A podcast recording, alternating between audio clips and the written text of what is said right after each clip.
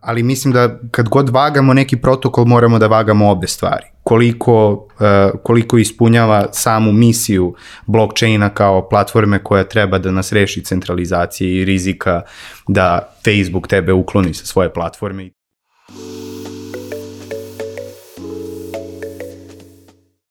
Dobar dan i dobrodošli u novu epizodu Netokracija Office Talks podcasta. Moje ime je Marko i danas pričamo o Web3-u, o aplikacijama i kako, građ, kako se grade aplikacije u Web3, u Web3 protokolima i generalno negdje o nekim osnovama Web3, o nekim pojmovima koji su danas popularni.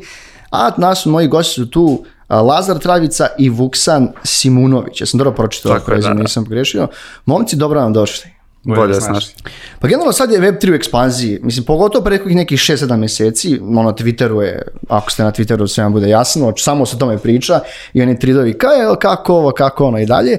Pa hajde, otkud vi u Web3 svetu? Što, kako je vaša vaša profesionalna karijera? Jeste od početka radili ovdje, jel šta ste radili pre nego što ste došli do današnjih pozicija? Pa ja sam zapravo započeo profesionalnu karijeru u Web3-u, uh-huh. tačnije to je tad bio blockchain, nije baš bilo spominjanje Web3-a.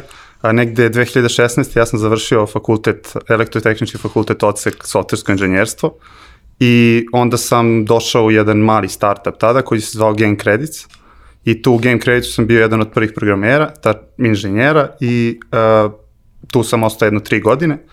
Kada sam izašao iz Game Creditsa, prešao sam u, zaposlio sam se u MVP workshopu i tu sam radio na raznim projektima, s obzirom da je MVP workshop radio sa klijentima i nakon toga sam, kako je MVP workshop promenio business model u Venture Builder, sam osnovao Trapezi zajedno s Lazarom i tu danas radim kao izvršni direktor, to je CEO. Mhm, baš ću, pričat ćemo malo kasnije tačno čemu Santron Trapezis radi. E, Lazare, kak, ti si ti od početka isto bio u Web3-u? E, ne, ovaj, ja sam e, pa negde 2012. 13. počeo sa, sa Bogdanom ovaj, iz Tenderlija, pošto smo išli u istu srednju školu, računarsku gimnaziju. Uh -huh. uh, počeli smo da zajedno sa još par drugara, od kojih su uh, Miljan i Andrej isto bili tu iz Tenderlija. Počeli smo da pravimo ljudima sajtove, neke mini poslovne aplikacije, Facebook aplikacije, praktično što, čega god da smo mogli da se dokopamo, kao klinci koji su tada bili jako sposobni, jeli, imali su jako low rates, mhm. -huh. ovaj, bili smo dosta interesantni. Znači, sajt za, vi ste što ste pravili sajt za 50 evra, to ste e, malo skupili. 50 evra i to nam je, ako je već 50 evra cena, lakše nam je bilo, kažemo, ma ništa. Ove, da, to su sve neke stvari koje posle dođu kao važne lekcije naučene. Uh, to smo 2013. Ovaj, počeli smo se bavimo svime time, ovaj, da bi u narednih par godina došli, napravili neki ovaj, uh, visibility za naš tim i tad nam je prišao Ivan uh, Bjelajec i uh, praktično smo se priključili Devani tadašnjoj. Ovaj, mislim da je on tada uradio jako rizičnu stvar da dovede nas četvoricu koji funkcionišemo na način koji je nama poznat, sa kulturom koja je nama poznata, da priključimo se organizaciji kao što je Devana, međutim sve je ispalo jako lepo i za nas i za, i za uh, kompaniju. Uh, to je ono bilo potpuno rockstar vreme, radili smo na nekim eksperimentima koji su skrejpovani i sve ostalo, ali jako je, jako dobar period, period najbržeg razvoja koji, na koji mogu da se osvrnem. Ove, sećam se baš tada, a, neposredno pre dolaska u Devanu, bili smo na web campu u Ljubljani. Uh -huh. Ove, Bogdan je baš tada držao neko predavanje i a, sedeli smo u nekom kafiću, otvorili na laptopu ethereum.org, prvi svetski kompjuter.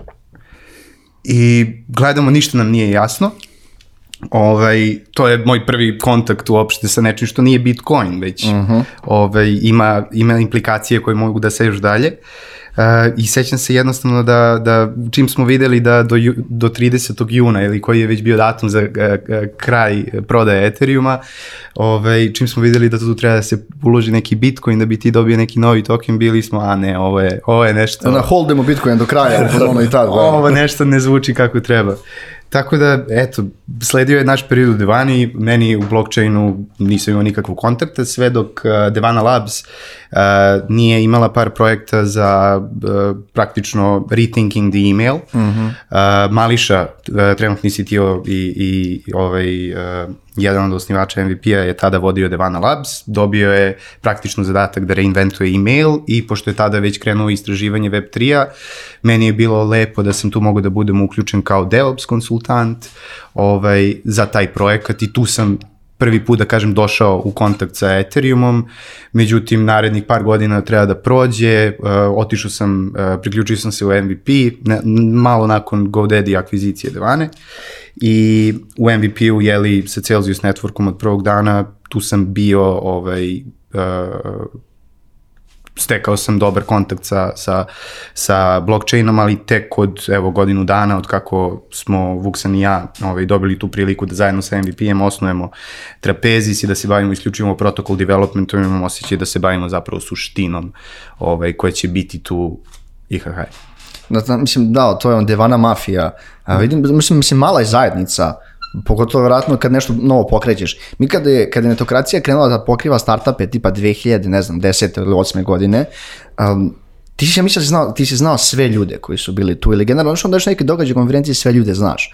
I, I ono, bukvalno su svi isti ljudi, na ono, čak poslije nekim drugim projektima, jako mala zajednica. Verovatno je isti slučaj i kod vas sad, jer opet kažem ti, ne, naš mala je broj ljudi koji rade u Web3 u Srbiji, ok, taj broj se povećava, pa zato kažem, vjerojatno ono dosta, dosta mala zajednica. Apsolutno, mislim, ta je bila slična situacija kad sam ja ulazio u blockchain te 2016, rane 2016. nije bilo toliko interesovanja, to je bila ova era pre ICO mm -hmm. i tada čak nije bilo toliko, ajde da kažem, dominantno da se razvija na samom Ethereumu. Ethereum je popularnost mnogo širu stekao negde kasnije. Ja sam, na primjer, radio na razvoju Gain Creditsa, što je kriptovaluta koja je zapravo fork Bitcoina, uh mhm. -huh. tako da funkcioniše po slič, sličnim principima kao Bitcoin i tu mi je interesantno zato što je Devana u tom nekom trenutku zapravo ušla sa te druge strane, sa strane Ethereuma i tu sam ja dobio više, više dodirnih tačaka sa Ethereumom, ali apsolutno, baš kao što si rekao, tu je bila šačica ljudi i svi smo se znali otprilike. Znali smo ekipu iz ECB-a koja je imala menjačnicu, da. danas ima menjačnicu, tako da Tako da, da to... mi, ja sam bukvalno od jutros dobio neki upit ovaj, za oglašanje neke nove menjačnice iz Novog Sada koje je pokrenuto skoro. Uh, vidim da je, mislim, to je sad malo i uređeno drugačije sa zakonske strane, pa verovatno ćemo očekivati još neke te, to su centralizovane menjačnice, kako dobro, tako, ali tako ovaj, kod nas. Hajde nešto da pričamo uh, još pre nego što krenemo generalno ovaj, o građenju protokola Ethereumu, kako izgleda ovaj, tranzicija jednog web programera iz web 2 u web 3. Zašto ovo pričamo? Jer generalno uh, znaš, Ivan je pričao i mnogo drugih ljudi da potrebno dosta kadra kako se to diglo na noge. Nama je Ivan ovdje rekao da, okay, da, da ako mu treba 200 ljudi, znaš on kaže 200 ljudi ne znam gdje da ih nađe, ali nam treba 200 ljudi za razne projekte. Koliko uopšte, evo, možeš ti, ovaj, Lazare pa Vuksane, ti si opet više ono, od početka u web 3, koliko uopšte teška ta migracija, ne samo s te strane, nego strane pojmova. Znači, jer tu je skroz drugi ekosistem, skroz su neke druge metrike, druge stvari, znaš. Koliko je, koliko je teško i sa tehničke strane i ovako sa strane pojmova? Uh, definitivno nije lako. Uh, mislim da blockchain se toliko razvio sada da kao što u tradicionalnom Web 2 developmentu imamo više nivoa steka gde imaš frontend, backend, mm -hmm. app developere, DevOps inženjere, sistemske inženjere, isto tako imaš slične stvari koje možeš da transliraš u Web3 svet, tako da s te strane je olakšano zato što ne moraš da budeš jack of all trades, ne moraš da budeš full stack, možeš da se usmeriš na jednu stvar i da nju radiš dobro. To je meni neki znak sazrevanja ovaj, uh, industrije, Web3 industrije. Uh, konkretno, ja sam bio indirektno uključen u, u taj uh, uh, protokol layer ovaj, uh, kroz lično interesovanje uh mhm. -huh. proteklih uh, četiri godine.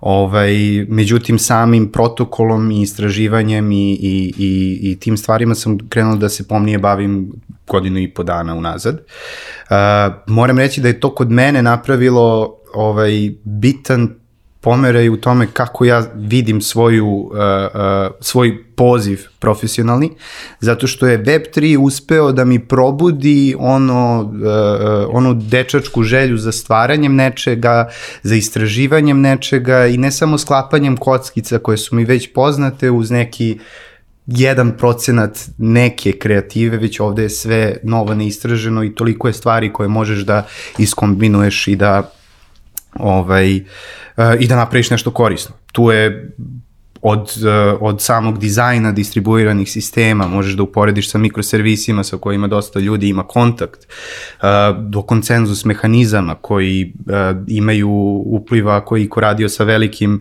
sistemima za storage podataka koji radi na distribuirani, sistem, na distribuirani način, do toga da jednostavno radiš networking kakav nemaš priliku osim ako nisi radio na razvoju ili baze podataka ili velikog cloud provajdera ili nekog torrent sistema, što je opet zverka uh -huh. za sebe. Tako da dosta nekih stvari koje su stvarno izazovne, kao što su konsenzus mehanizmi, kao što su uh, kao što je pisanje virtualnih mašina, koliko god to bilo bazično i istraženo već ovaj uzduš i popreko, malo ljudi zapravo ima priliku da radi na implementaciji virtualnih mašina, evo našem primjeru to je uglavnom Ethereum virtualna mašina, u sklopu svog posla. Tako da dosta, uh, dosta lepih izazova uh, uh, je tu za inženjere koji su imali prilike da se bave tim stvarima na fakultetu, ali nisu imali prilike u svojim profesijama nigde da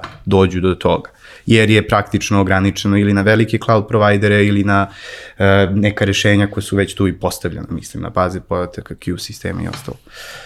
Vuksane, uh, naravno, nadovezat ćeš se, uh, da li vidiš ti zainteresovanost ljudi da pređu u Web3?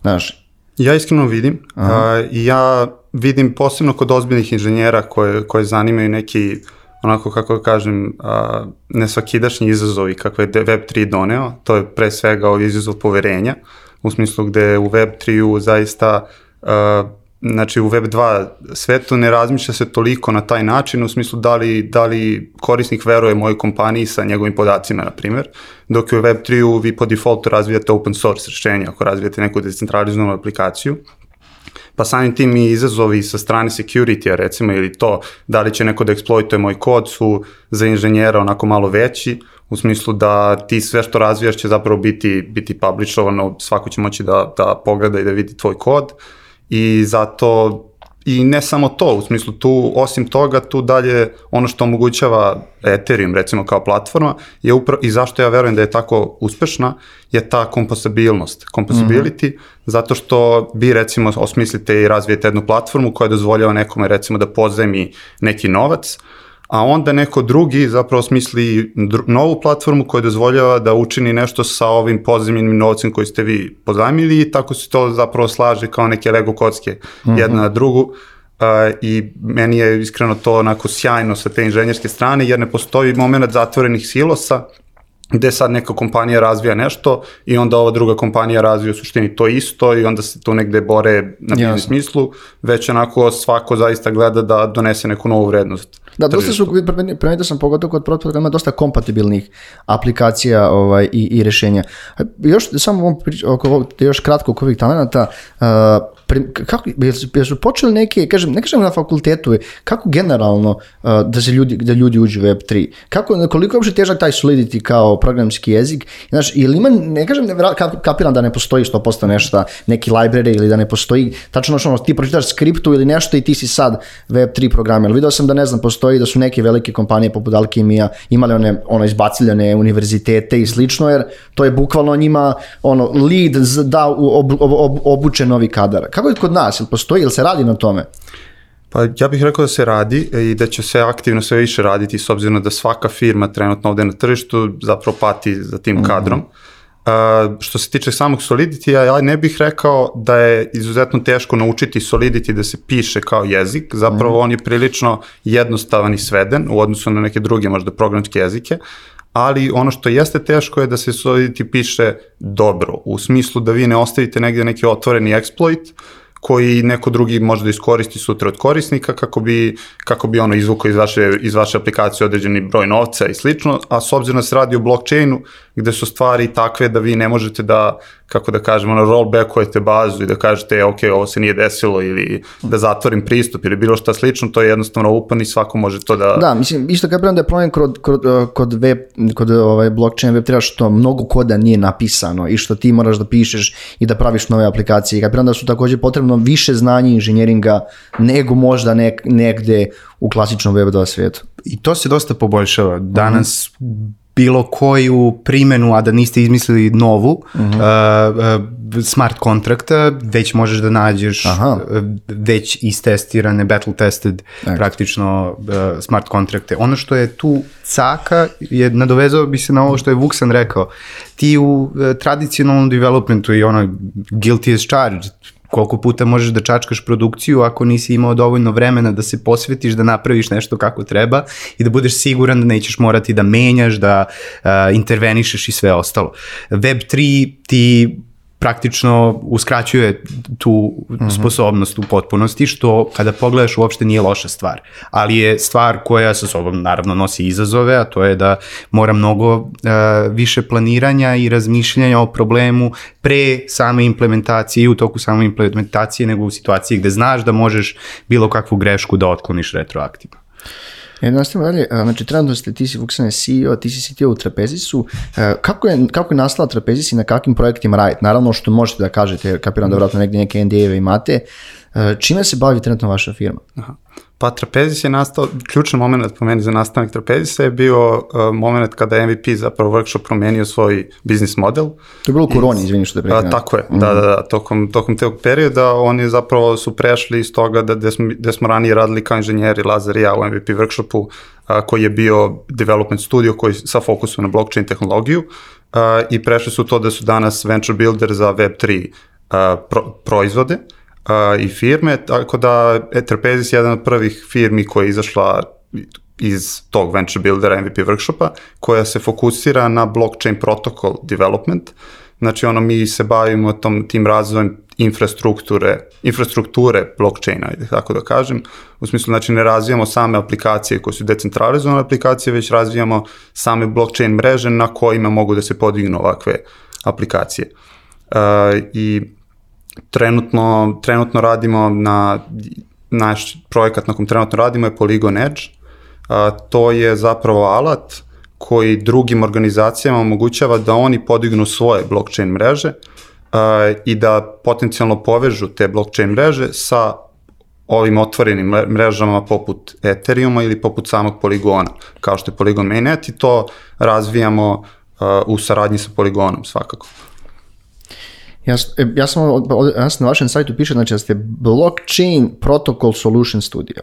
Znači, e, ovaj, ja sam nastavio kako bi ljudima koji nisu u Web3 svetu objasnili čime se vaša kompanija bavi, ali ti mislim rekao, znaš zbog čega, jer, uh, mislim, ne znam, ja radim da biz dev za netokraciju. Znaš kako je to mojim roditeljima bilo teško da kapiramo, znači, mi smo mediji i ono, pravimo neki medijski proizvodi i kasnije pro, prodajemo i šta je, ne znam, ono, kako se to radi sa ITM, kako biste vi jednostavno objasnili ljudima čime se tačno bavite. Ja ne, mislim, vi niste jednostavno, to nije outsource kompanija, ali to je jednostavno, na, no, kako bi to Lazar objasnio? E, naša najveća vrednost e, trenutno i u buduće, što se nadam da će rasti još više, uh mhm. -huh. je znanje, zato što je ova oblast e, jako usmerena na neke kompleksne probleme. Ja volim da pravim analogiju između Web 2 i Web 3 koristići se uh, Uh, u Web2 imaš neku bazu podataka, imaš neki tim koji je razvio tu bazu podataka sa kojima ti nemaš kontakt. Ti praviš svoj backend, praviš svoj frontend, taj backend povežeš sa bazom podataka da bi imao negde da strukturirano skladištiš podatke. Ako to sad transliraš na Web3, ti mhm. imaš bazu podataka, što je u ovom slučaju protokol, deo protokol developmenta. Cilj protokol developmenta je da razvije blockchain kao distribuirani ledger, odnosno platformu za izvršavanje smart kontrakta. Uh, iznad toga imaš Solidity code i iznad toga imaš sve JavaScript library koji ti omogućuju da ti koristiš svoj wallet, možeš da interaguješ sa tim. Tako da ono čime se mi bavimo u Web3 domenu jeste upravo razvoj te baze podataka na kojom ljudi mogu da grade svoje aplikacije i sve ostalo. Ok, mislim, ja razumijem čemu se bavite. Znaš me zanima takođe koliko MVP pomaže u trenutno vašem početnom, kažem, mislite, tek ste firma osnovali pre godinu dana, koliko je tu MVP kao podrška oko nekih tih tehničkih stra, stvari ili jednostavno ono, pomaže oko same vođenja organizacije firme? Ja bih rekao da pomaže ono, dosta, u uh mhm. -huh. smislu najviše savjetodavno pre svega, ali i operativno u smislu da nam pomaže oko financija recimo uh mhm. -huh. i zapravo oko, oko osim toga marketinga, recimo oko, oko samog brandinga, oko svih stvari zapravo koje nisu toliko građenje samog proizvoda, čime se mi pretežno bavimo, tako da taj venture builder zapravo olakšava taj moment gde ti kao neko ko ko je možda tehnički founder, kao što smo Lazar i ja, zapravo možda se posvetiš da, da radiš baš na onome na čemu gde si najjači, dok ti oni pomažu oko ovih stvari gde možda ti manjka nekog iskustva i slično, na primjer posebno ste biznis možda strane i slično, tu uvek mogu da te posavetuju, što mislim da nama izuzetno znači. Pa da, mislim, generalno jeste ono, znaš ono ti, e, to je bila fora kad si ti, ne znam, founder i osnivač i ne znam, imaš firmu, ti moraš da se baviš o svemu. Znači, zamisli ono, office si bukvalno i office manager i ovo i ono. Znači, dobra stvar kad imaš neko ti pomaže te druge stvari koje ne moraš početku, pogotovo u početku da handlaš. Tako, tako je, tu bih dodao, možda ljudima to sad ne deluje kao puno, u smislu kao pa nije, nije to ništa specijalno, ali sve to crpi energiju, u smislu vi imate određenu količinu energije kao osnivači i vi onda želite tu energiju da usmerite, ono, da najbolje napravite vaš proizvod i tu ideju neku koju želite da nesete na svet, a onda sve ostalo u suštini tu i visi fondovi na kraju i pomažu oko toga, ali baš, baš zbog toga mislim da je ono izuzetan, nas je to, znam da je mene to poguralo da uopšte os, osnovemo firmu, ono nisam u tom momentu zamišljao kada bi osnovao firmu negdje odvojeno, ali onda kako je MVP prešao u taj model venture buildera, to jednostavno se otvorila prilika i mi smo odlučili da radimo to što volimo da radimo, a to je baš taj razvoj protokol. Jel, jel, ima, neko, jel ima nešto, neko, neko posebno iza imena? Jel ima neko objašnjenje, čisto onako sinulo? A, trapezis, a, a, dogovorili smo se da ćemo jednom u budućnosti da smislimo ono origin story mm. koji, koji je lep za ispričati, ali zapravo trapezis je kao ime nastalo, a, razmišljali smo ovaj, e, o, o tome kako taj SIS deo, priča mm -hmm. o sistemskom inženjerstvu, što je veliki deo aha, aha. protokol developmenta, trapezis, uh, pa taj deo, ovaj, uh, moje, moje neko viđenje je ovaj, uh, Vuksan ide u teretanu, razvija svoj trapezijus muscle, ja želim da isto to uradim. da, dosta, dosta dobro ovaj, ali fore šalu na stranu, backbone, taj mišić drži kičmu uspravno i mm -hmm. praktično ono, core je, je celog tela. Ovaj, nama je tu ideja bila da pokažemo da mi radimo na backbone-u ovaj, uh, blockchain mreže. Da ima dosta dobro onako kako bilo značenje, uopšte metaforičko značenje uopšte nije loše, razumeš. Meni uvijek to ono, ono gledam i Pied Piper, ono, ovo seriju, ono ideš ono, pojedeš mnogo pečuraka, ideš u pustinju i to je to ono što dobar founder mora da uradi, da se žrtvuje, da se žrtvuje za, za, ovaj, za tim. E, ajde baš da pričamo o tim nekim tehničkim stvarima. Šta, kako, šta je uopšte jedan Web3 protokol. Mislim, i pogotovo Ethereum, ti si pomenuo, jeste danas dominantan Web3, Web3 protokol, postoje neki drugi kao što ne znam, Solana, koji je verovatno, e, pomešano su mišljenja o njoj, nisam još, kad sam pričao s ljudima, pogotovo u našem ekosistemu, nije niko rekao, wow, Solana je super, nego si kao, pff, Solana, kao, ali to je opet, mnogo investitora je uložilo mnogo para. To je sad neki drugi Avalanche, NIR se pominje u zadnje vrijeme dosta. Znaš, generalno, ajde ukratko da objasnim ljudima šta je generalno neki Web3 protokoli koji vi koristite, uh, koli, zašto je tako Ethereum tako dominantan, ovdje smo stavili dobro neke, uh, možemo u drugom dijelu, koje neke dalje vidite problem sa skaliranjem Ethereuma, posebno zbog ovih gas fijeva i ostalih stvari. Uh, generalno što se tiče protokola, ona analogija malo pre koje sam iskoristio, mislim da dobro komunicira šta to znači u smislu razvoja, ali šta to mm. znači u smislu vrednosti koju ti daješ. Postoji nešto što, kad pričamo o blockchainu, možemo da pričamo o praktičnim stvarima koje ti kao korisnik te blockchain mreže dobiješ, to je koliko ti svaka transakcija košta, koliko moraš da čekaš nakon, uh, nakon slanja transakcije da možeš da računaš da se ta transakcija izvršila.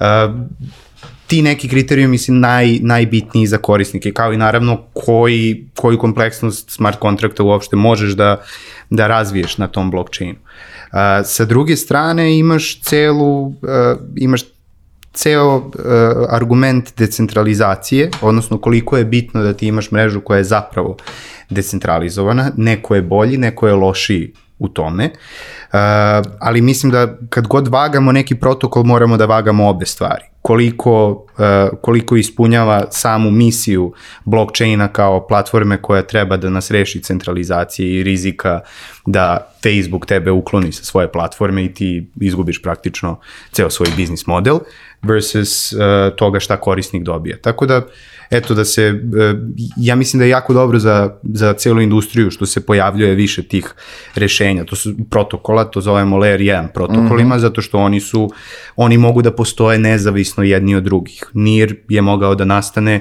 i da Ethereum ovaj, nije bio tu, ne bi to uticalo na NIR put, uh mhm. -huh. osim naravno u lekcijama naučenim prethodno i sve ostalo. Uh, konkretno spomenuo si Solanu, samo bih tu ovaj, dao komentar. Razlog zašto ljudi kritikuju uh, uh, Solanu je zato što uh, nije toliko jaka na tom segmentu decentralizacije, koga možemo kasnije da se dotaknemo, mm, kako se meri. pitanje, da, zašto? Ovaj, postoji nešto, uh, Ethereumu je od starta, ako sad pričamo o Ethereum-based mrežama, Ethereum je od starta jako bilo bitno da bilo ko može da pokrene Ethereum klijent na svom računaru i da učestvuje u mreži i da praktično posmatra sve transakcije i zna da niko ne pokušava da mm -hmm. ovaj, mazne neke pare. Tako ja bih tu dodao možda da, ne znam sad da li ste vi objašnjavali gledalcima u nekim od prethodnih epizoda, ali kako blockchain mreža funkcioniše, to je u suštini, znači imamo jedan komad softvera što mi nazivamo node, koji zapravo se se pokreće na celoj mreži, u smislu svaki računar koji je povezan jedan sa drugim, zapravo što su odvojeni korisnici, zapravo pokreće isti komad koda koji, koji služi da pre svega ono potvrdi neke transakcije i da i da verifikuje, znači u suštini, to jest potvrdi transakcije i svi to izvršavaju, znači svaki taj komad koda se izvršava duplo, ajde tako da kažem. Znači na svakom, na svakom tom čvoru ili nodu se, iz, se dešava izvršavanje uh, potpuno istih instrukcija kako niko ne bi morao da veruje ovom drugom, što znači da u nekom trenutku ukoliko vi želite da zapravo promenite nešto na toj mreži, vi morate da preuzmete većinu mreže, to su oni 51% napadi u kojima se mhm. sluša. Uh -huh ali e, i baš kod takvih mreža rekao bih tu sad imate ogromne izazove s obzirom da, da vi imate mrežu koju želite da u kojoj želite da učestvuje sve veći broj tih nodova i sve veći broj korisnika, s obzirom da on izvršava iste, iste količine transakcija, a u Ethereum, u slučaju Ethereum ne želi da podigne, da vertikalno skalira te servere, ajde tako da kažem, mm -hmm. u mhm. smislu da podigne kost da biste vi pokrenuli njihov nod, već želi da ga zadrži na nekom nivou gde korisnik sa svojim laptopom recimo može da pokrene njihov softver, uh, onda oni dolaze u taj problem gde zapravo vi možete da progurate samo određenu količinu transakcije u sekundi i oni trenutno ta ogromna bitka oko skaliranja, u smislu oni pokušavaju da pronađu način da skaliraju tu mrežu bez da žrtvuju taj moment decentralizacije jer ono ako mi podignemo sad kažemo ne znam treba ti 2000 dolara da bi pokrenuo neki server, sad odjednom znači taj server može da pokrene samo ograničen broj ljudi na svetu, u smislu dosta manje. Da. I tu ide ta kritika najčešće prema onda Solani i slično, zato što da biste pokrenuli nod na Solani treba ima veći resursi generalno nego ukoliko biste to uradili na Ethereumu ja lično sam negde stava, meni se sviđa to što se, što se pojavljuje više, više tih chainova, mislim da je to super što, što se je ta inovacija dešava na samom, i na samom protokol nivou, da nije samo na nivou DAP-ova na Ethereumu, uh -huh. uh, gde, gde za samu Solanu ono, kako kažem, sve te kritike, to je sad moment, ljudi su dosta, dosta uh, ono strastveni u ovom, u ovom ekosistemu i onda ako ste vi recimo ušli i radili na Ethereumu dosta dugo, vi onda volite jednostavno taj projekat i onda šta god druga da se pojavi kao ono, imate neku odvojnost prema tome i slično neko koji je sad ušao u Solanu, a nije pre radio mm -hmm. na mhm. Ethereumu, obrnuto, na, obrnuto, u smislu onda on napada Ethereum na nivou, pa ovo nije, ono ne može da se koristi, kao u smislu ovo je jedino, da, jedino pravo rešenje. Da, sad postoji ti takozvani bridgevi gde ti možeš s jednog protokola neke aplikacije da prođeš u drugi ili to. Znaš, mislim, otkud taka dominacija Ethereuma? Jer što su oni se ono pojavili prvi, da kažem, negde kao taj Uh, pojavili se prvi ili generalno što je Vitalik ono deluje kao ono novi, kažem, mesaja generalno u Web3 svetu. Vidio sam, sad kad je bio ovaj, vidim da ste bili preći malo postano u Denveru, vidio sam neke slike i bilo je baš dobrih mimova, ono, kao ono, ovaj čovjek koji drži ono cijelo moje bogatstvo u fazonu, brati, ono, došao u pidžami na... Ovaj... Jeste, ne, zapravo se prerušio kao maskota u početku, Aha. to mi nismo provalili, ali on je bio tu i kao slikao da. se ono kao maskota sa ljudima i onda posle u jednom trenutku ono, nekoga je slikao sa strane kako je skinuo onu kapu i sede tamo je programira, tako da svi ljudi su bili u zonu, a zapravo sam se slikao sa Vitalikom. Ja ne bih rekao da je tu taj pojam mesije i slično, mm -hmm. da, je, da je to bilo od samog početka. U smislu, Ethereum kad se pojavio, uh, ono što je bilo jako zanimljivo kod samog Ethereuma je što je on odjedno promenio model kako blockchain mreže funkcionišu, jer pre njega su blockchain mreže u suštini funkcionisale tako što ste vi s njima mogli samo realno da šaljete neke transakcije, a te transakcije su bile monetarne transakcije, u smislu kao da prebacim neki, ajde da kažem, novac ili tokene, da prebacim s jedne adrese na drugu, dok je Ethereum zavisi od stvari drugačije, Ethereum je zapravo zamislio svoju mrežu kao nešto što oni nazivaju svetski računar, a, taj svetski računar, oni znači imaju mrežu na kojoj imaju virtualnu mašinu, ovu Ethereum virtualnu mm -hmm. mašinu koju je Lazar spomenuo, a, na kojoj vi možete da pokrenete bilo koji, znači ona je Turing complete, možete pokrenuti, da izvršite bilo koji kod. I to je odjednom dalo uh, vetar u leđa industriji da ljudi krenu da razvijaju aplikacije gde vi zapravo blockchain više ne morate koristiti samo za to kao je super poslu si mi neke pare i slično, nego možete ga koristiti za bilo šta. I tu se najviše, da kažem u početku naravno, s obzirom na ICO, Surge i sve, da, najviše se to koristilo za finansijske u, u, usluge. za finansijske usluge, tako je, ali i ono sve više i više, sad evo kako se pojavili NFT-evi, doćemo i do toga kasnije, da. ali mislim da ćemo u budućnosti vidjeti, posebno kako, vidjeti sve više i više novih primjena, posebno kako skaliranje bude uzimalo maha i kako to, ono, da. kad izađe Ethereum 2.0 i tako dalje. Hoće izaći? Mislim, o, baš Ivan sedeo prošli put ovde mm -hmm. i nešto smo bez veze pričali, kaže neće to pet godina. Ovaj, tako da ne znam. Ovaj. Dosta su, uh, baš skoro je team lead Ethereum core development tima. Mm -hmm. Oni grade Go Ethereum koji je glavni klijent Ethereum, najpopularniji klijent u Ethereum mreži. Uh, baš je tweetovao o, o svojoj, uh, zbog svoje brige da uh, research ide ispred inženjerije, Aha. da se sam Ethereum codebase jednostavno krpi sa nekim stvarima, jer postoji toliko dugo, nema undo dugme na blockchainu i što je najbitnije, uh, oni ne mogu da razvijaju stvari kao što druge layer 1 mreže mogu, nalik Niru, Solani i Avalanche koga si već spomenuo, jer oni mogu da, da razmisle dobro o greškama koje je Ethereum sve napravio od 2014. ka vamo i da kažu mi ćemo stvari uraditi drugačije. Ethereum mora svaku grešku ili svaku uh, stvar koju nije da. predvidio, da, koja se desila zbog korišćenja samog chaina koja je nepredvidiva potpuno, on to mora polako da ispravi. Dobro, mislim, moramo se složiti da on stvarno, uh, Vitali kako god onako izgledao, ne kažem, ne kažem kao karikatura, ali zaista neke stvari je ono evangelist. Da. Mislim, onaj tad je pisao taj white paper, ja sam, ono, sam bacio za ono, mislim, ne razumem, nisam programer, ono izgleda, mislim, nije lako da ti vidiš neke stvari koje ne postoje. Kad znači praviš nešto što ne postoji i ti vidiš, onako... Apsolutno, je... posebno što je on to radio tako mlad, ja se ne sjećam, on je imao manje od 20 godina u suštini. Kad Ali je, meni dalje deluje dosta mladoliko, ne znam koliko, jest. ima 30, nema. Nema, nema. nema. On, je... on je, ja mislim, moje godište, koliko god mi to bilo, ja, ja sam mislio da čak mi kao 96, veliki. ali nisi moguće. E, da, da, 94. da. Aha. Ove, pa dalje je mlad, da. da. Vitalik je... Uh, hteo sam vezano za to e, što je Vuksan pričao u vezi uh, kako št, zašto je bitna decentralizacija i sve ostalo. E, ima jedna misao, mislim nije misao, nego pokušaj bolje definicije. E, svi pričaju o distribuiranim sistemima mm -hmm. i o mhm. blockchainu. E, blockchain, o, o Ethereum, ajde u ovom konkretnom slučaju, Ethereum može bolje da se trenutno objasni kao replicirani sistem, replicated system, zato što ti ako imaš 500 učesnika u mreži, svih 500 će iste stvari da izvršavaju, iste blokove će da, da pokušavaju da izvalidiraju i da kažu korisnicima, ok, tvoja transakcija je uključena u ovaj blok. Znači to je re, replicirano.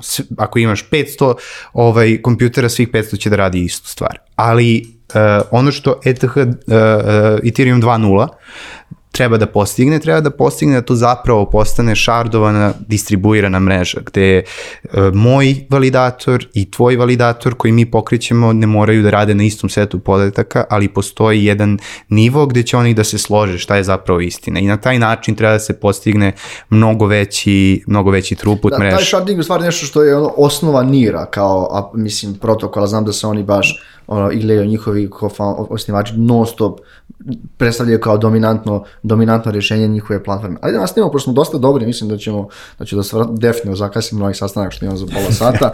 e, e pa ovdje se vidi, e, znači taj layer 2 blockchain rješenja i saradnje, baš saradnje, baš saradnje, rad sa vašim sa poligonom, poligonom koji imate, tačnije sa Edgeom, zašto sad je to bitno, jer je taj poligon je eksplodirao neki zadnjih godinu dana, nekoga čak i kaže da je ono ne gleda kao layer 2 nego kao Mhm. potpuno svoj protokol.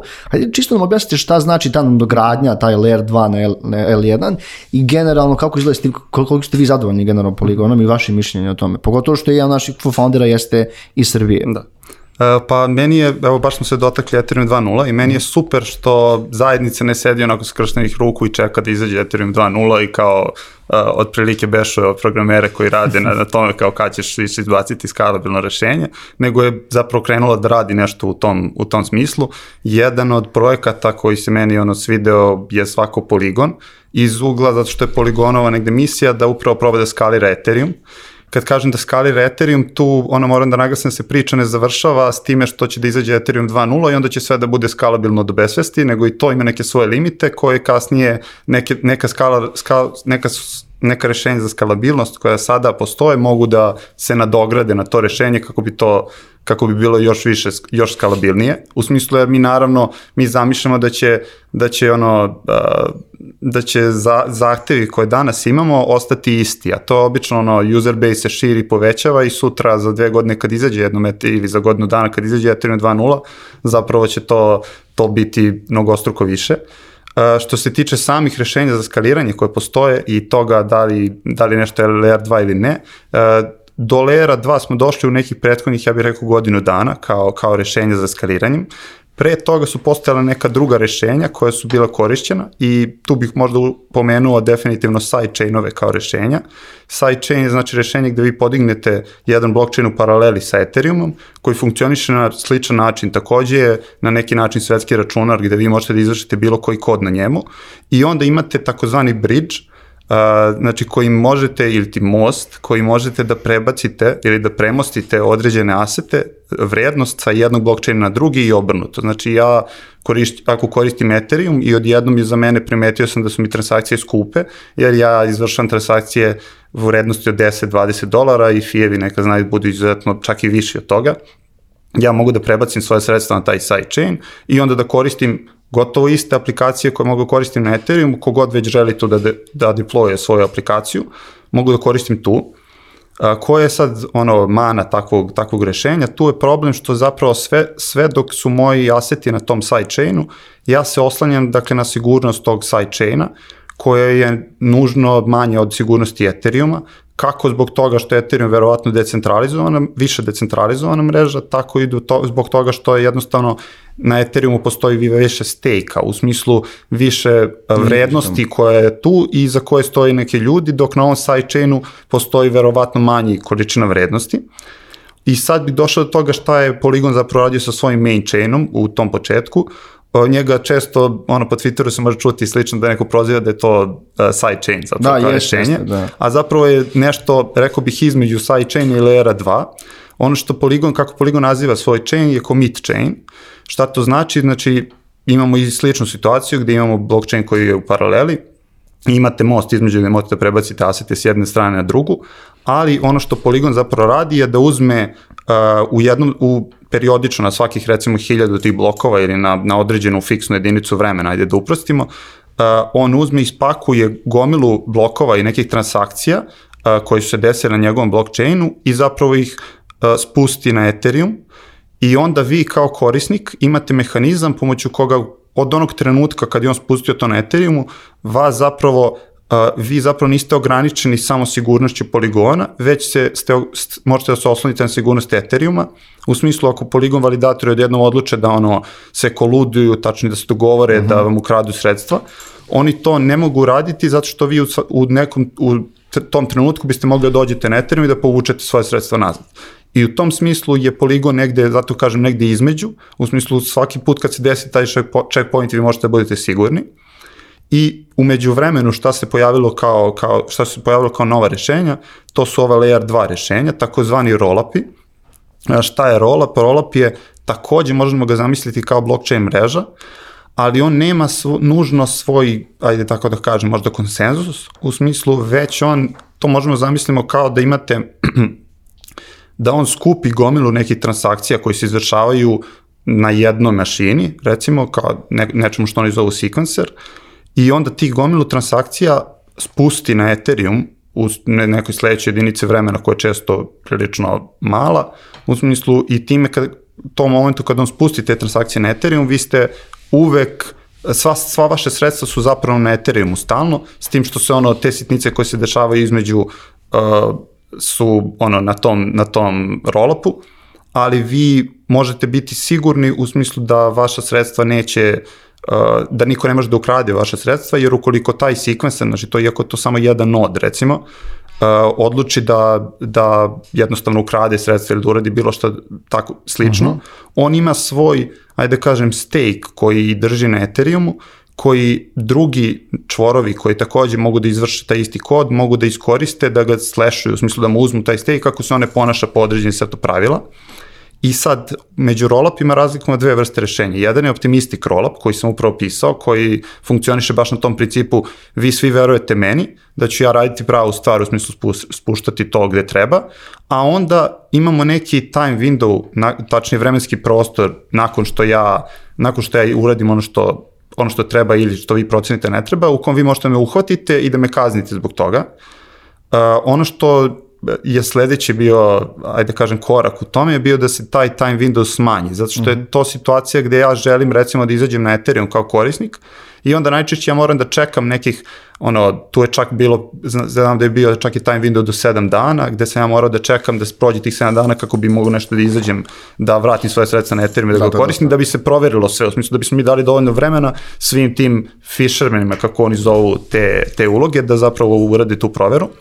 E, šta je došlo, šta se promenilo sa jednim novim ajde kažem, novim implementacijom pomoću kriptografije koja se zove Zero Knowledge Proofs, Uh, to je, došlo je do toga da odjednom možemo da izbacimo ovaj moment uh, verifikacije pomoću Fishermana, zato što koristimo ne, jedan, ajde kažem, novi pojam u kriptografiji, uh, koji, omogućava, koji nam omogućava da napravimo, uh, da napravimo dokaz uh, da se izvršio određeni broj transakcija na ovom sekvenseru i da takav dokaz objavimo na Ethereumu, tačnije na jednom smart kontraktu da, da pošaljemo taj dokaz, e, gde je e, kreacija takvog dokaza složen matematički proces, ali verifikacija takvog dokaza je instant. U smislu, ona je prilično jednostavna i ona može da se odradi jako brzo. I onda najčešće kako funkcioniše takav rollup, tako što na Ethereumu imamo jedan pametni ugovor koji ima svoju metodu gde ona zapravo može da verifikuje, da, da izvrši ovu verifikaciju,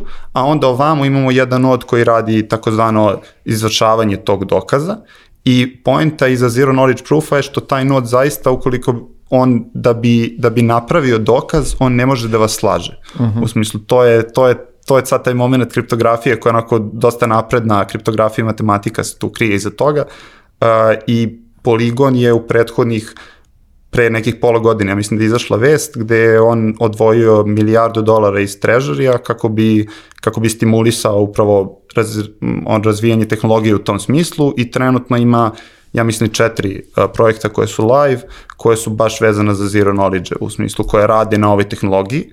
Ono što bih dodao šta je trenutna limitacija toga što za, kod zero knowledge vi možete da uzmete trenutno da izvršite samo takozvane asset transfere, mm -hmm. u mhm. smislu samo možemo da prebacujemo tokene napred i nazad trenutno, a ono na čemu se sada radi, radi na tome da naprave zapravo ceo EVM, što oni zovu ZK EVM, u smislu gde može da se izvrši bilo šta, u smislu bilo koji arbitrarni kod i to je takođe dosta izazovan problem i na tome sad trenutno radi neki, neki od najboljih timova na svetu. Ja, mislim da smo dobili sad prvi put neko na srpskom objasnio ovako detaljno, mislim da imamo zaista onako baš ti detaljno objasnio i hvala ti na tome jer generalno većinom znaš već samo ljudi onako ne površinski objasne neke stvari. Mislim da ovo dosta dobro rešenje. Ne mora da bi nastavili dalje. Ja baš pričamo o de decentralizaciji.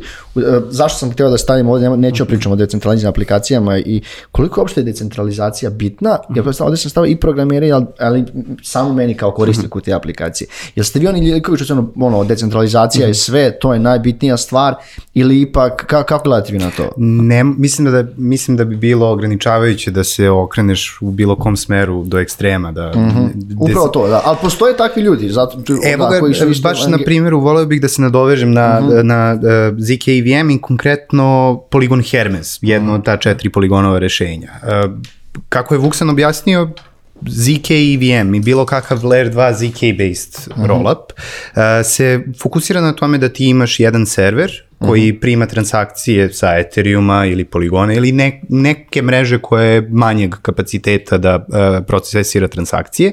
On uzima transakcije odatle, pravi dokaz da je izvršio i da su transakcije validne i taj dokaz o verifikaciji transakcije spušta nazad i to je sve u redu.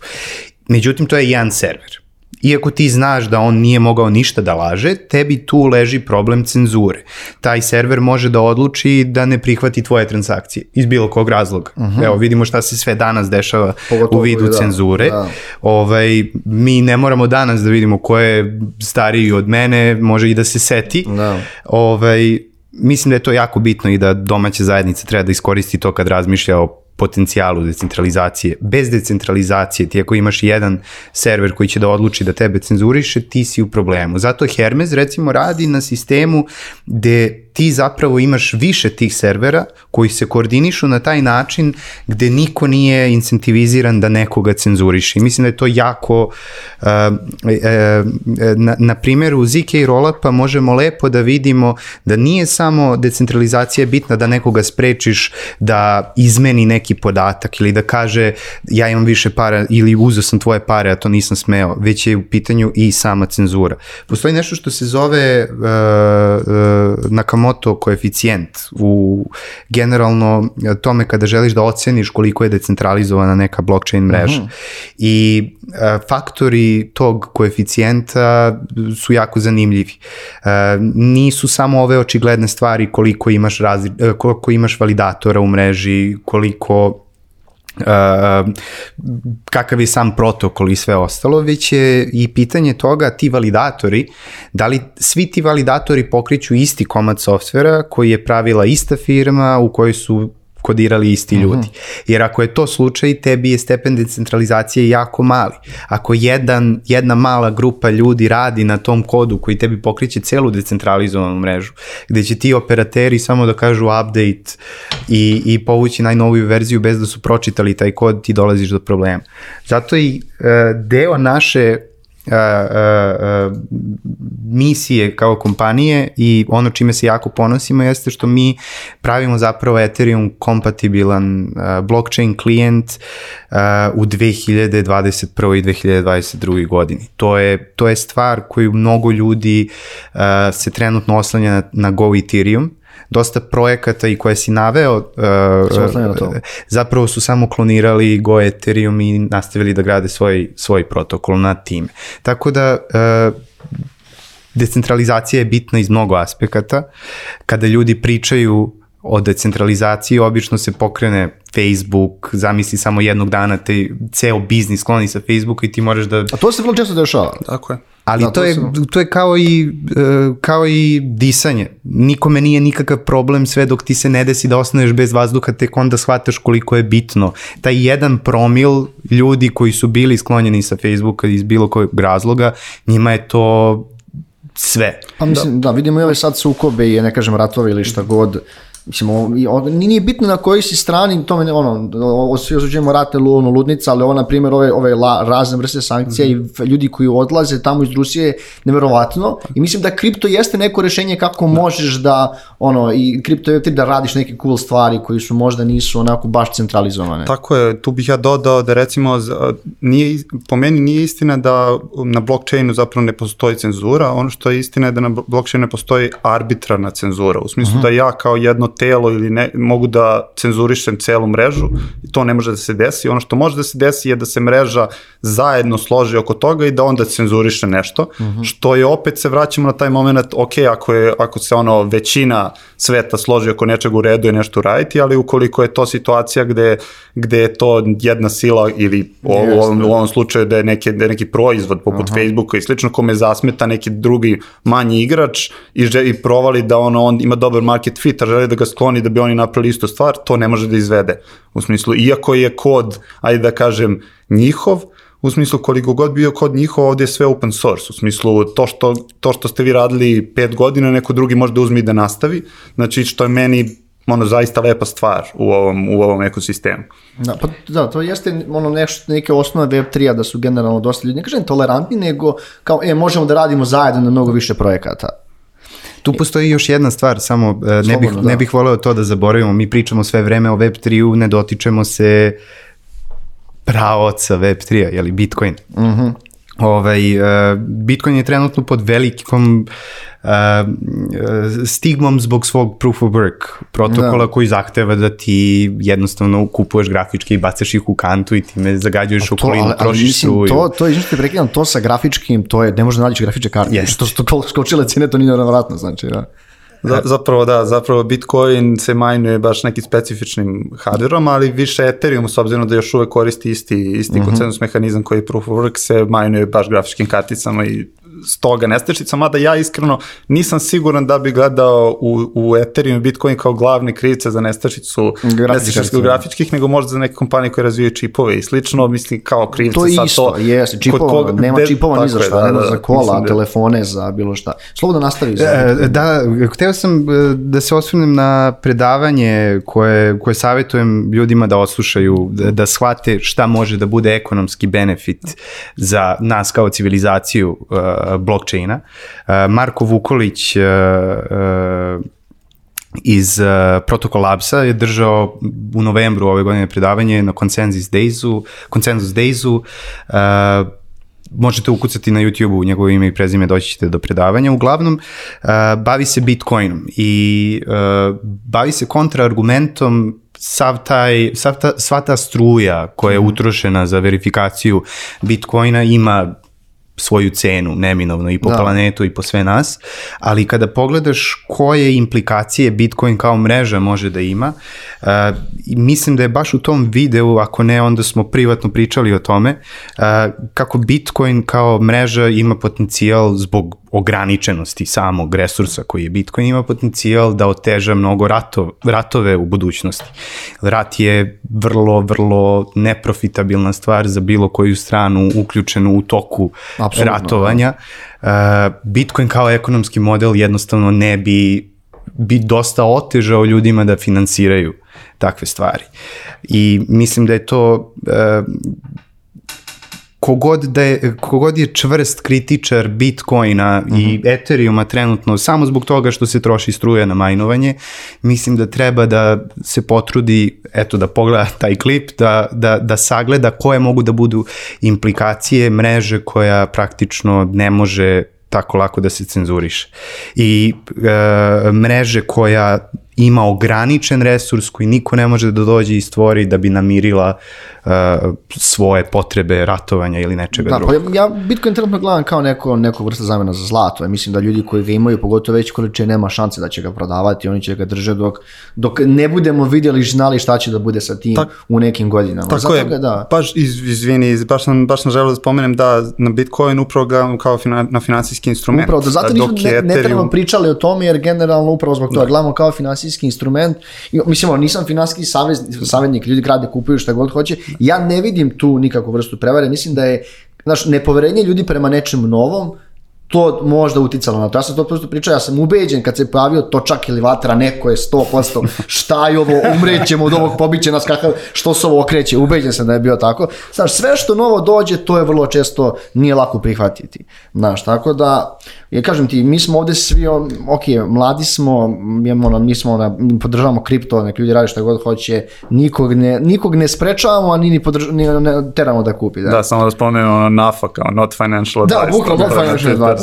Hajde pričamo, no, pošto smo dosta smo dobri sa vremenom, ovaj, pričamo, ja sam stavio ovdje NFT i dao projekt kao projekt u 2020. godini, pošto je malo je spao hype za NFT-em, mm -hmm. prethodno 3-4 mjeseca se baš, baš pričalo, kako vi gledate na te, kao konačno neki proizvod koji smo dobili, ili da li je to zbog, ja sam da je stavio, da li je to zbog velikog prila visi novca u, u industriji, vidio sam da su sad oni Bored Ape, pa kako se zove, imali neke nenormalnu valuaciju i da su sad ovi glavni visi fondovi ušli tu, eno, svi su sad, ono, ape-ovi na Twitteru kao tipa kako se zove ove njihove profilne, šta generalno mislite o NFT-u?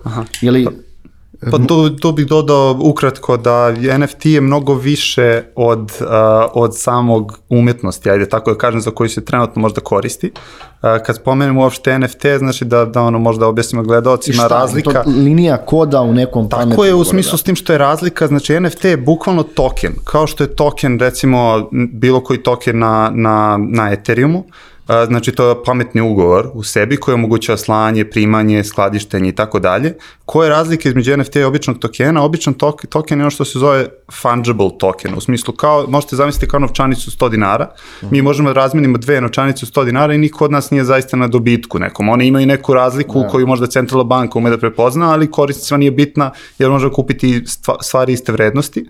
Dok kod NFT-a koji nije fungible, imamo situaciju gde zapravo tokeni koji su deo, znači koji su ista stvar u suštini, imaju, su unikatni, u smislu svaki ima neku različitu vrednost. I zašto ja sad to pričam, to nije tolika primjena u tokenima, već je sad primjena u tome što mi možemo da imamo aset koji možemo da razmenjujemo na mreži koji može da bude bilo šta, u smislu što može da bude opisano. Šta je najjednostavnije što su ljudi uradili za početak, najjednostavnije što su mogli da taj aset predstave kao neku sliku, u smislu mm -hmm. gde oni kažu, ok, ovo je slika kojoj, koju ću kroz kod da opišem na ovaj ili onaj način, da je generišem ili slično, sad da li onaj Bored Ape ima ovakve oči, onakve oči itd. I onda ću da kažem, ok, ovo je, ovo je ta digitalna umetnost.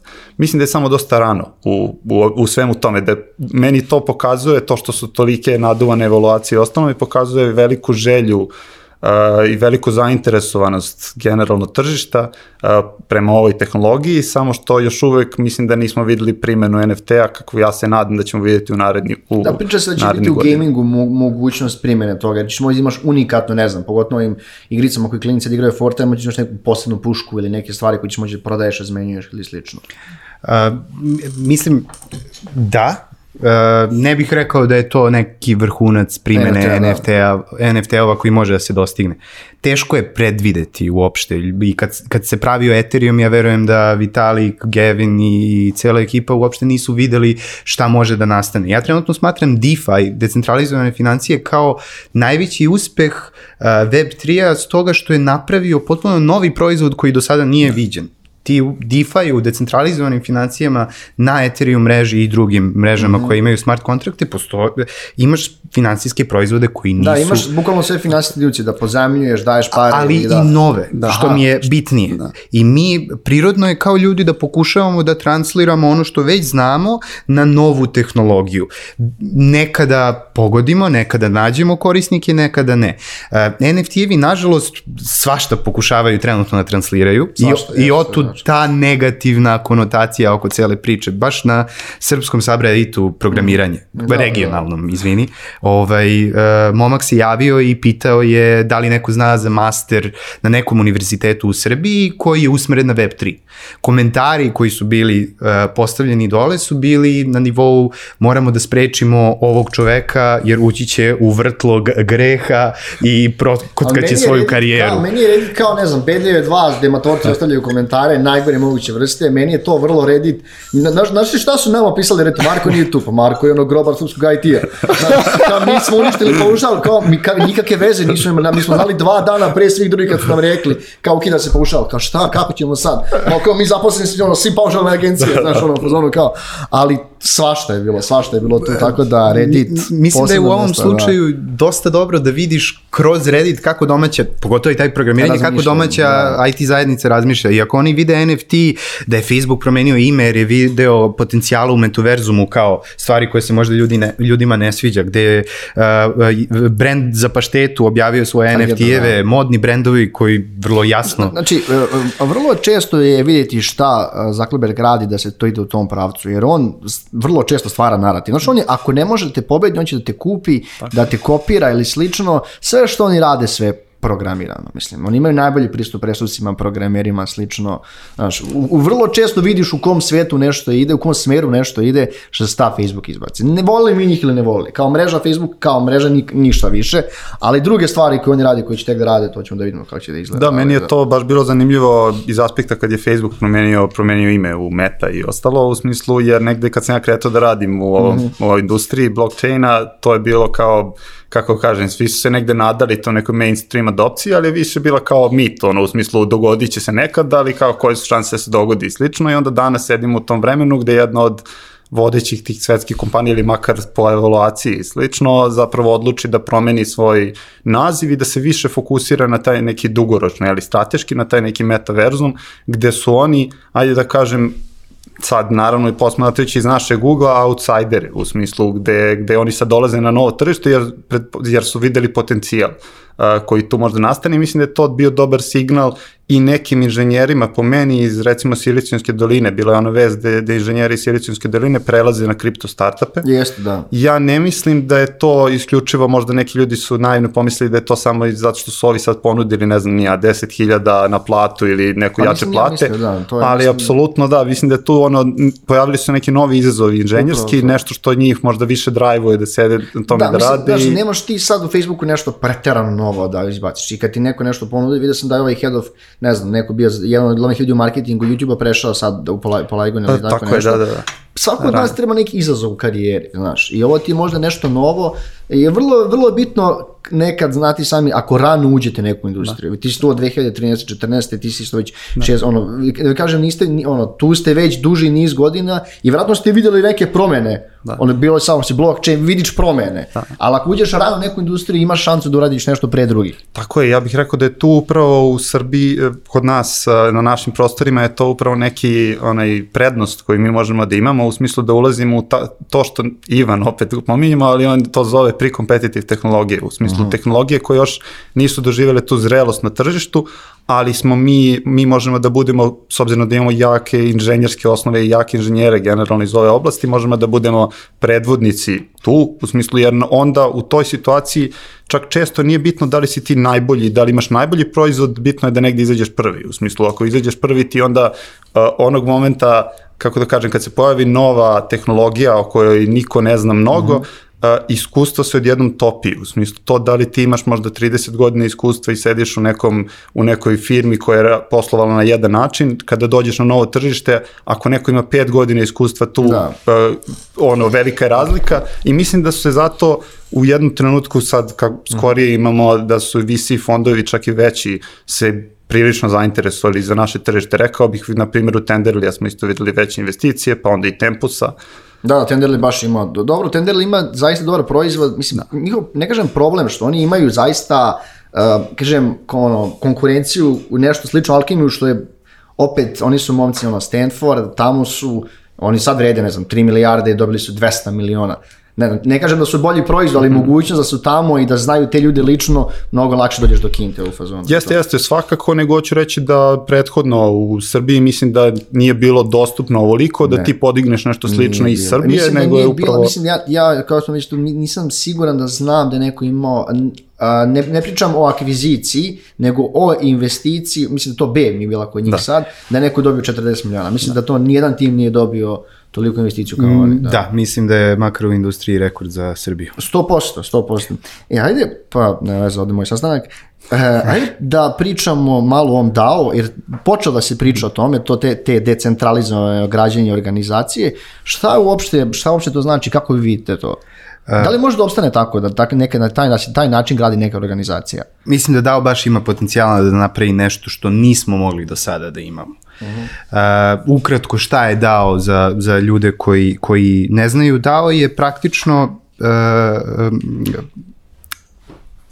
niz pravila jedne firme, odnosno kako uh -huh. se to mhm. zove, statut, buksane, pa, pravilnik o radu, pravilnik o radu, pravilnik o radu koji je ono, verujem, isprogramiran u smislu. Tako je. Uh -huh. I vi imate znači, pravila koja može da funkcioniše vaša organizacija, koja nisu takva da sad imate direktora ili nekog ono, izvršno lice koje može po svom nahođenju da donosi odluke, već u smislu vi morate kao ve, većinski da se složite oko nečega da bi ta firma zapravo promenila pravac ili radila nešto što nije opisano yes. tim pravilima. Uh -huh. uh, ja sam se baš ovaj, na ovu temu, pošto uh, znam da drugar Petar Atansovski ovaj, i, i bivši kolega dosta istražuje dao je kao mo, mogući, da, mogući novi korak u našoj uh, organizaciji, ne, ne u industriji, u organizaciji i ljudi.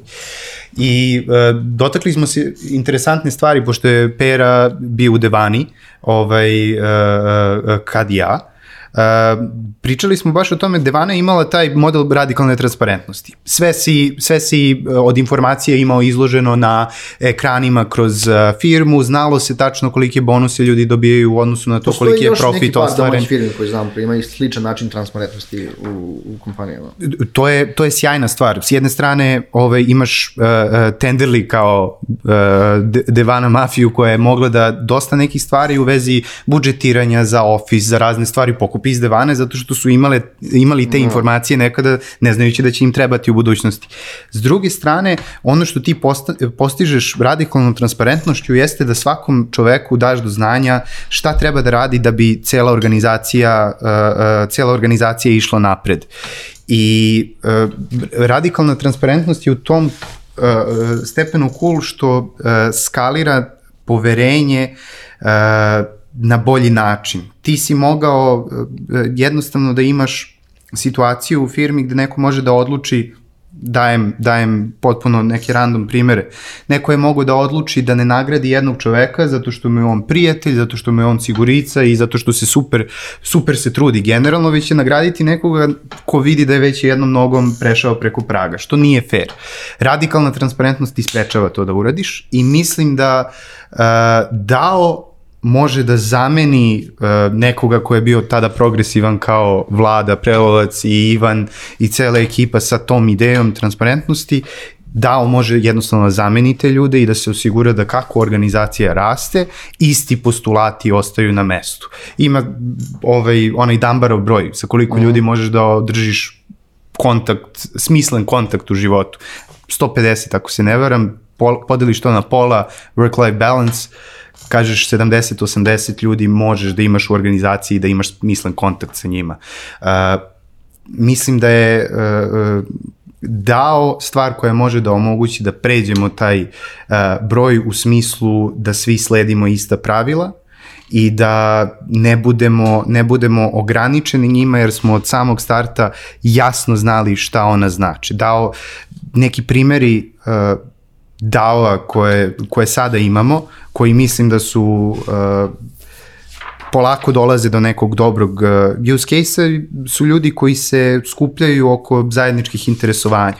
Nemamo neke preterane uh, ovaj, primene u drugim sferama, osim ajde, dogovaranja uh, governance određenih protokola, ali uh, DAO i definitivno ovaj, nalaze svoju primenu i, i eliminišu uopšte poverenje iz cele stvari da, da neko može samo da donese odluku i zbog koje ćeš se ti zapitati zašto sam ja uopšte deo ove organizacije.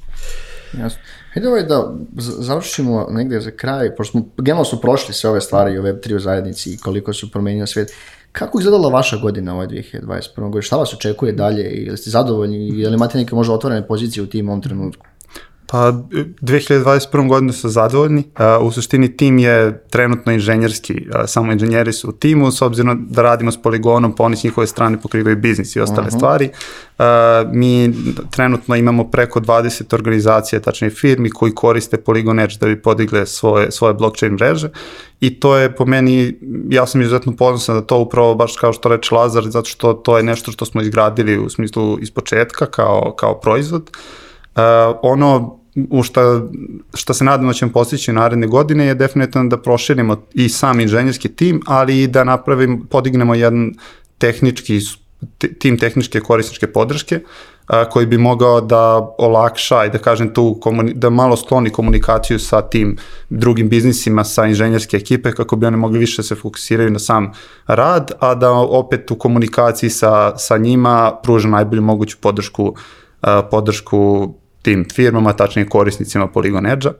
Uh, tako da trenutno, trenutno smo u potrazi za, za, za pod, korisničkom podrškom, tačnije tehničkom korisničkom podrškom, znači u suštini neko ko možda malo njemu strana komandna linija i Linux, kon, mm -hmm. Linux komande recimo, uh, i takođe osim toga smo potrazi za tehničkim PM-om, uh, product managerom, uh, znači koji bi nam pomogao oko samog Polygon Edge-a. Super. Lazare, za tebe je pitanje koliko su kripto i Web3 generalno promenili promenili svet. I koliko će, zapravo koliko će da ga promeni? Ste vi tipa ono promenići 10% ili će da promene tipa ono više od toga, ne znam, 50% sveta, kako pogotovo djel sveta kako znamo? Uh, dev svet ili svet generalno? Ajde kažemo generalno sve, da. Uh, mislim, da, mislim da će promeniti svet definitivno. Da li će uopšte vre, na vremenskoj skali nisam siguran da li će to biti za godinu 3, 5, 30. Ali šta je 30 godina za svijet? Realno ništa. Da, tako je. To je realno i za firmu isto neku. Šta je 20-30 godina? To nije ništa. Ali opet i kad pogledaš unazad, kad pogledaš šta se sve desilo u posljednjih 30 godina, ovaj, svi napreci, shvatiš da je opet velika količina vremena. Međutim, ovde pričamo, e, e, poenta e, caka sa Web3-em je što e, Web3 da bi bio opšte prihvaćen, ima dve opcije. Ima ili da da ljudima mogućnosti za nešto što nisu imali do sada, a to je recimo da uh, uh, lanciraju finansijski proizvode iz zemlja koje, iz zemlje koja je pre 30 godina bila pod sankcijama, što Jasne. ne možeš da uradiš u tradicionalnim financijama. Sa druge strane, uh, to je, to je stvar novih rešenja.